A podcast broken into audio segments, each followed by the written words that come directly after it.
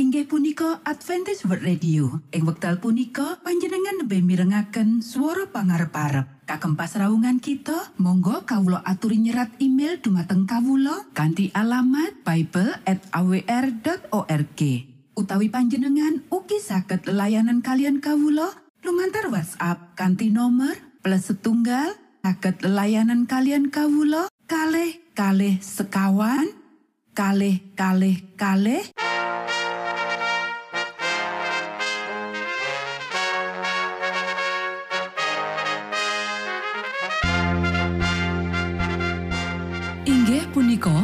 Adventist World Radio ingkang giaran kanthi basa Jawi.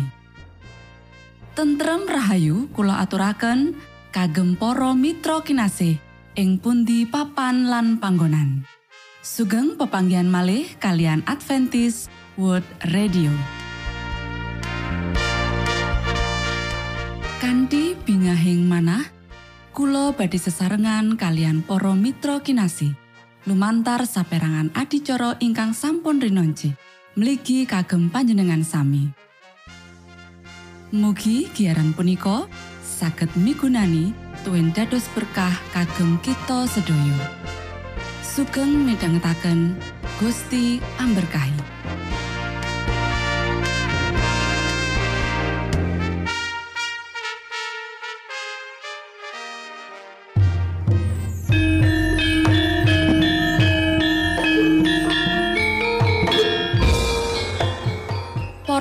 Pamirsa kinasih ing Gusti Yesus Kristus, ing wekdal punika kita badhe sesarengan ing adicara ruang kesehatan ingkang saestu migunani kagem panjenengan saha kita sami. Tips utawi pitedah ingkang dipun aturaken ing program punika tetales dawuhipun Gusti ingkang dipunnyatakaken ing kitab suci. Semanten ugi sakehing seratan ingkang dipun wangsitaken dening Gusti Allah. Nanging saderengipun, monggo kita sami midhangetaken kidung pujian.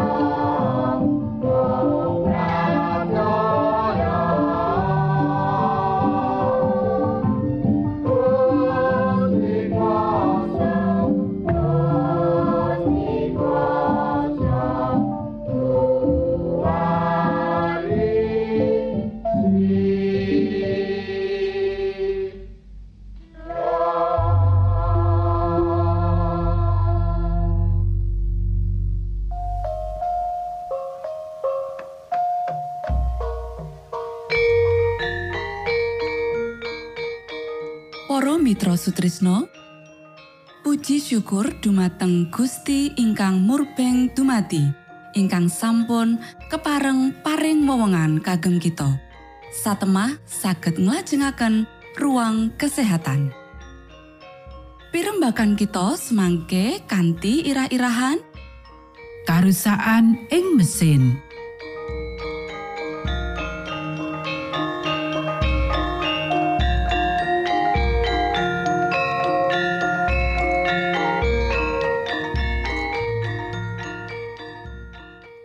dumateng para pamiarsa ingkang dahat kinormatan sugeng pepanggian malih kalian kula Isti Kurnaidi ing adicara ruang kesehatan ing dinten punika kanthi irah-irahan karusaan ing mesin. Sedulurku, kowe perlu sinau akeh. Kowe manjakake seleramu kanthi mangan panganan sing luwih akeh nganti badanmu ora bisa nguwahi dadi getih sing apik. Ora tarak sakjroning bab akeh panganan iku ateges dosa. Akeh wong sing rumangsa menawa dheweke ora mangan daging lan bahan-bahan panganan liyane, dheweke bisa mangan panganan prasaja nganti dheweke ora ngrasakake enak mangan. Bab iki salah. Akeh ing antarane sing ngaku reformator kesehatan ora kurang saka wong-wong murka. Dheweke ngebaki alat pencernaan karo beban panganan nganti tenaga sing vital iku entek mung kanggo nyerna iku. Bab iki uga nduweni sawijining pengaruh sing ngudunake daya pikir amarga kuwasa saraf otak digunakake kanggo mitulungi weteng sakjroning tugas pencernaan. Para sederek, kekakean mangan, senadyan mangan prasaja, iku bakal nglempohake saraf otak lan ngringkehake vitalitase. Menawa banget kakean mangan, pengaruh luwe ala tumrap pencernaan ketimbang akibat makaryo abot. Mengkono uga tenaga-tenaga jiwa luwe dilempohake amarga mangan ora tarak luwih ketimbang makaryo ora tarak. Para sederek alat pencernaan kutune ora diboti karo panganan sing banget kakean senadyan panganan iku duweni mutu. Amarga sifat kebangetan ngrusak weteng.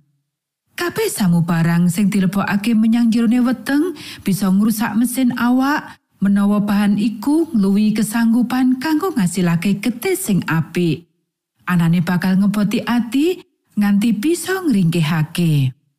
Weteng kudu kerja lembur kanggo buang iku Mulane timbul rasa males sing dianggep dadi rasa luwe, mula kanggo nambah tenagane, dilebokake sakwilangan panganan menyang jero weteng nganti mesin badan iku kutu obah maneh. Alat iku entuk gizi mung sedidik saka panganan sing banget kakean. Senadyan panganan iki mutune dhuwur dibanding karo mangan sedidik nanging dipangan kanthi teratur. Pencernaan dilancarake dening gerak badan sing sedeng. Sedulurku, otakmu wis dilempohake. Wong sing mangan akeh kaya kowe, kutune sawijining wong sing kerja abot. Gerak badan penting kanggo pencernaan. Mengkono uga ngrumat kahanan badan lan pikiran sing sehat. Kowe merlokake olahraga fisik.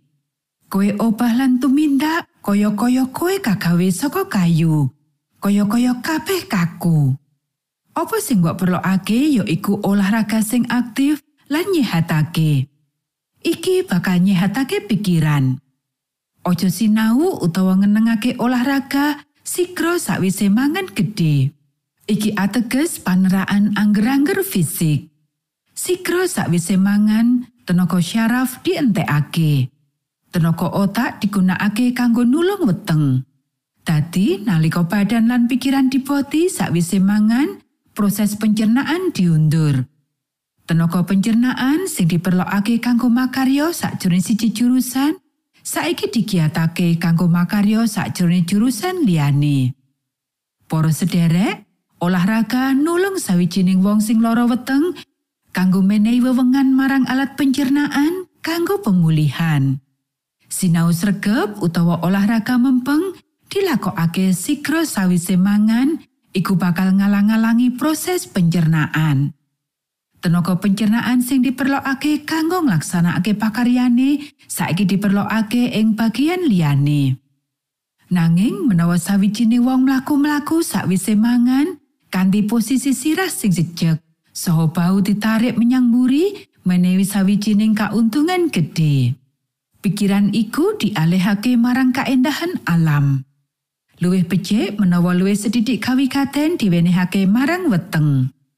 Menawa kowe tansah krasa wedi, aja-aja mengko panganan bakal ganggu kowe, mesti mengkono bakal dumati.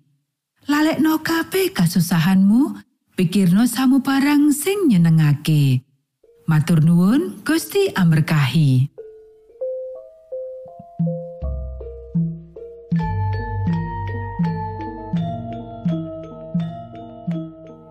cekap semanten pimbakan ruang kesehatan ing episode dinten punika Ugi sampun kuatos jalaran kita badhe pinanggih malih ing episode sak lajengipun.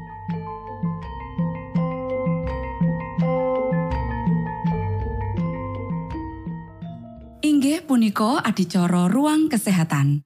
Menawi panjenengan gadah pitakenan utawi ngersaakan katerangan ingkang langkung, Monggo kulo aturi. Kinton email dateng alamat ejcawr@ gmail.com utawi lumantar WhatsApp kanti nomor 025 pitu 00 songo songo papat 00 pitu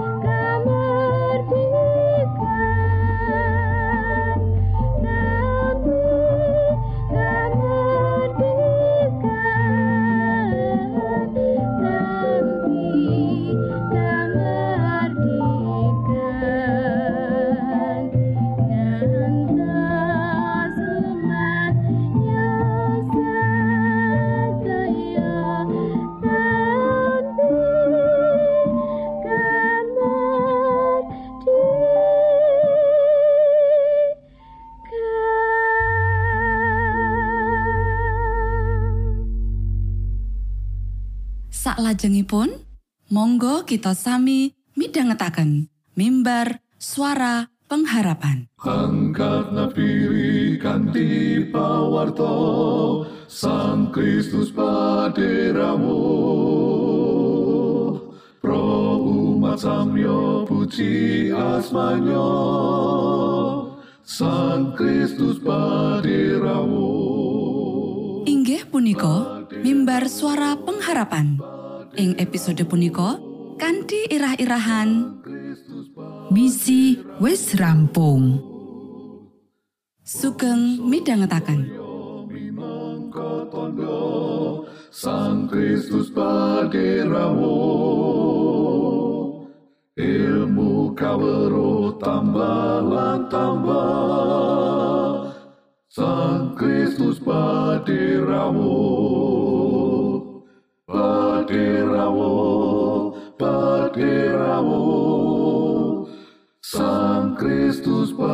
paderamu Shalom para sedherek ingkang kinasih. Sakmenika kita badhe mitangetaken renungan Sabda pangandikanipun Gusti. Ing dinten punika kanthi irah-irahan misi wis rampung. Para sedherek ingkang kinasih, ayo diwaca Kitab Wahyu pasal selikur ayat siji nganti papat. Aku tumuli weruh langit anyar lan bumi anyar. Awit langit kan kapisan lan bumi kang kapisan wis sirna. Lan segara uga wis ora ana maneh. Lan aku weruh kutha suci Yerusalem kang anyar tumurun saka ing swarga, saka ing Allah kang pinaisan kaya panganten wadon kang dinandanan lumati marang priyane. Aku banjur krungu swara seru kang ngandika saka ing dampar iku. Ruhanamu tarupe Gusti Allah ana ing tengahing manungsa lan panjenengane bakal dedalem ana ing antarane. Iku bakal padha dadi umate lan panjenengane bakal dadi alae. Sarta panjenengane bakal ngusapi sakelo saka ing mripate lan bakal ora ana pati maneh. kasusahan lan pasambat apa dene karubetan iya bakal wis ora ana amarga samu barang kang lawas wis padha kapungkur Para sedherek ingkang kinasih Saipo endahe sawijining taman Firdos ing jagat kang anyar iku ing mangsa tembe. Pati lan dosa bakal sirna, iblis lan para wong dursila bakal tinumpes. kita bakal pepanggian marang sang juru wilujeng kang tresnani kita lan padha nglumpuk nyawiji karo wong-wong kang kita tresnani. Lan jagat kang anyar dikebaki dening sakabehing duta saka saben suku lan basa. Para sederek, Komite Misi saka General Conference wis mutusake sawijining panduan misi global kang bisa digunakake kanggo nemtokake definisi golongan wong kang wis kakayuh lan kang durung kakayuh. Golongan wong kang wis kakayuh ya iku kang wis duweni saperangan wong lan sumber daya kanggo nyekseni kanthi efektif marang golongan liyane tanpa mbutuhake pitulungan saka njaba. Golongan iki wis duweni platosan ibadah, kitab suci, lan upo rampe wacanan liya jroning basane dhewe lan uga para pandhegane pasamuan gereja kang bisa nyekseni marang golongan liya tanpa wong kang sesule. Golongan kang durung kagaya ya iku wong-wong kang ora duweni komunitas lokal saka para wong Advent kang padha percaya kanthi cacah kang nyukupi lan sumber daya kanggo nyekseni kanthi efektif marang golongane dhewe tanpa pitulungan kang teka saka njaba budayane wong-wong iki. Saben pasamuan gereja lokal lan conference kudu mutusake menggawe maceme golongan kang kudu dijangkau ing komunitas wong-wong iki. Para sedherek ingkang kinasih, saiki wektune kanggo nyelengi sakjroning misine Allah kanggo dadekake murid saka golongan wong iku. Kanti mangkono bisa nyepetake karawuhane sang juru wilujeng kita lan pungkasane kita bisa ngumpul bebarengan ing swarga lan jagat kang anyar kang kaprasetyakake marang kita kabeh. Monggo kita sami ndedonga. Duh Rama kawula ingkang wonten ing swarga, asma patuko mugi kasucikaken. Kraton patuko mugi rawuh, karsa patuko mugi kalampahan wonten ing bumi kados dene wonten ing swarga. Kawula mugi kaparingan rejeki kawula sak cekapipun ing dinten punika. Saha patuko mugi ngapunten kalepatan kawula kados dene kawula inggih ngapunteni tetiang ingkang kalepatan dhateng kawula. Punapa dene kawula mugi sampun ngantos katantukaken dhateng ing panggoda, nanging mugi sami patuko walaken saking piawon. Awit dene patuko ingkang kagungan kraton saha wisesa tuwin kamulyan salami laminipun. Amin.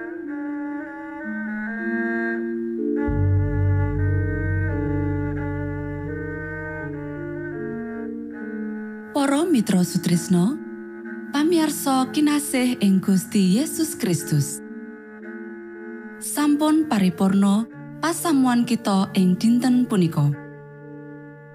Menawi panjenengan gadah pitakenan utawi ngersaakan seri pelajaran Alkitab suara nubuatan Monggo Kulo aturi kinton email dateng alamat ejcawr gmail.com utawi lumantar WhatsApp kanti nomor 025 pitu 00 songo songo papat 00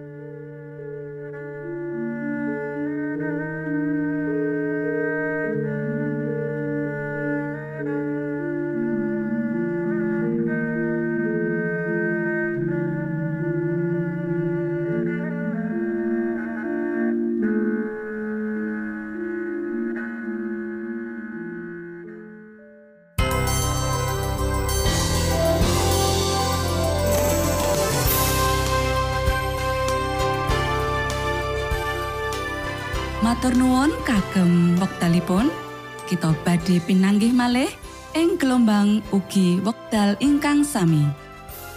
Saking studio kula ngaturaken tentrem rahayu. Gusti amberkahi kita sedaya. Maranata